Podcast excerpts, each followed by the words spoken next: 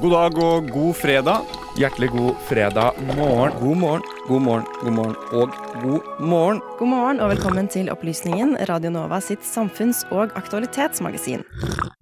Med opplysningen 99,3 på øret, ja, da blir det en god fredagsmorgen. Opplysningen 99,3 hver fredag fra 10 til 11 på Radio Nova.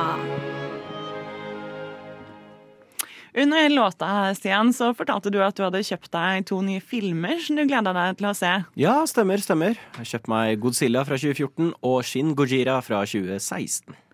Og hvordan eh, kan vi trekke en bro mellom Godzilla og neste sak? Jo, det er jo egentlig for så vidt lett. Eh, Godzilla er jo lagd som en metafor for atomvåpen. Eh, da den første filmen kom til 1954, var den inspirert av når skaperen, som var en soldat under andre verdenskrig, eh, kjørte gjennom Hiroshima etter eh, destruksjonen der på vei hjem fra tjeneste. Der fikk han inspirasjon til Godzilla. Ja, og Stian, du har jo vært i Hiroshima. Eh, Hva slags inntrykk fikk du derfra?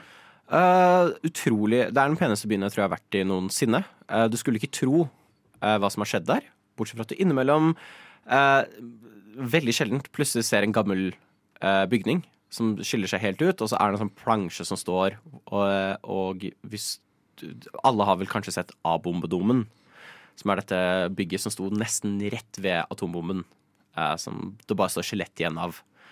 Eh, og vi var jo innom museet. Eh, som jeg tror har kanskje den beste åpningen på et museum noensinne. Eh, jeg tror det het Fredsmuseet. Um, men der går du inn først i et rom hvor det er en panoramasikt eh, rundt Hiroshima tatt på starten av 1900-tallet, hvor du ser byen, du ser folk gå rundt. Og så er det et nytt bilde i neste rom eh, som er tatt etter eh, da Little Boy eh, traff eh, byen. Eh, og det er bare destruksjon. Og du bare ser utover en ødemark eh, i denne neste panorama. Jeg tror du ser sånn to-tre bygninger som står i anførselstegn. Eh, det, er, det er en spesiell opplevelse. Det er vanskelig å se for seg hvor grusomt atomvåpen egentlig er, til du står og ser på eh, A-bombedommen. Det er et sånt punkt hvor du det, Noe inni deg knekker. Og det er vanskelig ikke bare å begynne å gråte over det. Um, så i min mening, hvis du er en som er veldig opptatt av krig og eh, urettferdigheter og grusomheter, så er det et sted nesten alle burde dra. uh, for å virkelig få inntrykk av eh, ødeleggelseskraften til disse grusomme våpnene. Ja, Du fortalte at eh, på det, dette fredsmuseet så var det et lys. Eh, kan du si noe mer om det? Ja, stemmer. Eh, Det står eh, en liten slags statue hvor det er et gasslys, tror jeg det er, en sånn flamme som brenner. Eh, Og poenget med den flammen er at den skal brenne til alle atomvåpen i verden er borte. Da skal den slokkes. Det er på en måte et håp da, om at en dag så kan vi bli kvitt atomvåpen. Ja, eh, i eh, dag så har vi da, som eh, Helena rapporterer, ni atommakter. Um, og eh, Helena forsøker jo i sin sak å gå litt inn på hvorfor noen um, land føler at de trenger å ha atomvåpen. Um, fordi, ja, som Japan sier, holdt jeg på å si, da. Hvis, all, hvis ingen har det, så er vi jo litt tryggere. Men eh, det er kanskje ikke så lett å gi slipp på det hvis ikke de andre også gjør det. La oss eh, høre hva Helena har å si om saken. Det finnes nå over 13 000 atomvåpen på jorden i dag. Og halvparten av jordens befolkning lever nå i land som oppbevarer atomvåpen eller er med i en atomvåpenallianse. Denne trusselen atomvåpen utgjør, gjenspeiler en mer og mer usikker verden. Og slik situasjonen er nå, så finnes det ni atommakter i verden. Russland, Kina, USA, Storbritannia, Frankrike, India, Pakistan, Israel og Nord-Korea. Et spørsmål som jeg har lurt på, er om det finnes en sammenheng mellom en regimetype og deres anskaffing av atomvåpen. Det finnes jo både demokratier og diktaturer som har og utvikler atomvåpen. Både USA og Storbritannia, som er demokratier, har det, og land som Nord-Korea, som er et diktatur, har også det. Men er det ikke slik at diktaturer har lyst på mer atomvåpen enn andre? Det trenger ikke være sånn at alle diktaturer vil skaffe seg atomvåpen. Det kan jo hende at det er én spesifikk type diktatur som har lyst på det mer enn andre.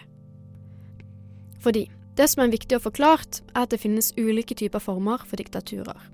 De kommer i forskjellige typer fasonger, rett og slett. For eksempel så har Kina hatt et veldig partibasert diktatur i mange år. Altså der det er et ett spesifikt parti i landet som har hatt makten. Og flere land i Midtøsten har hatt autoritære monarkier, der makten tilhører et monarki i landet. Et annet eksempel på en type diktatur er et personalistisk diktatur. Nord-Korea med Kim Jong-un er et godt eksempel på dette. Men hva er et sånt personalistisk diktatur? Jo, det er altså regimer hvor all makten i landet ligger hos én person. Det er én leder som tar avgjørelsene og kan bestemme alt selv. Og det som er interessant med denne typen diktatur, er at det faktisk finnes en sammenheng mellom et personalistisk diktatur og deres anskaffelse av atomvåpen.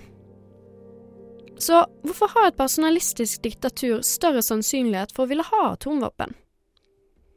Det finnes to grunner til dette. For det første vil ledere av personalistiske diktaturer føle seg svært truet.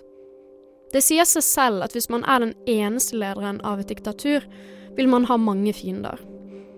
Lederen er avhengig av å ha makten til landet, og hvis man mister makten, vil man mest sannsynlig dø eller komme i fengsel pga. forbrytelsene man har gjort. Å ha atomvåpen er en måte å sikre seg selv fra dette og faren for invasjon. Vi ser jo det nå, at USA mest sannsynlig ikke har lyst til å invadere Nord-Korea med tanke på deres atomvåpen. Å bygge opp et atomvåpenprogram er en måte diktatoren kan sikre sin makt, og en måte å bygge opp militæret sitt på. For det andre så har personalistiske ledere svært lite begrensninger. De har all makten, og ingen sier imot dem. Det er ikke som et demokrati, der det institusjonelle begrenser autonomien og lederens muligheter. I et personalistisk diktatur er det bare én som bestemmer. Pga. disse personalistiske regimene utgjør det en trussel mot internasjonal fred og sikkerhet. Politikerne i verden bør fraråde ledere å samle for mye personlig makt. Disse funnene konkluderer med at vi bør fortsette å være mistenksomme overfor land som Irak, Libya, Syria og Nord-Korea. Spesielt Nord-Korea, som med suksess har utviklet et atomprogram, som gjør det nå vanskelig for land å gripe inn pga. deres frykt for atomvåpenkrig.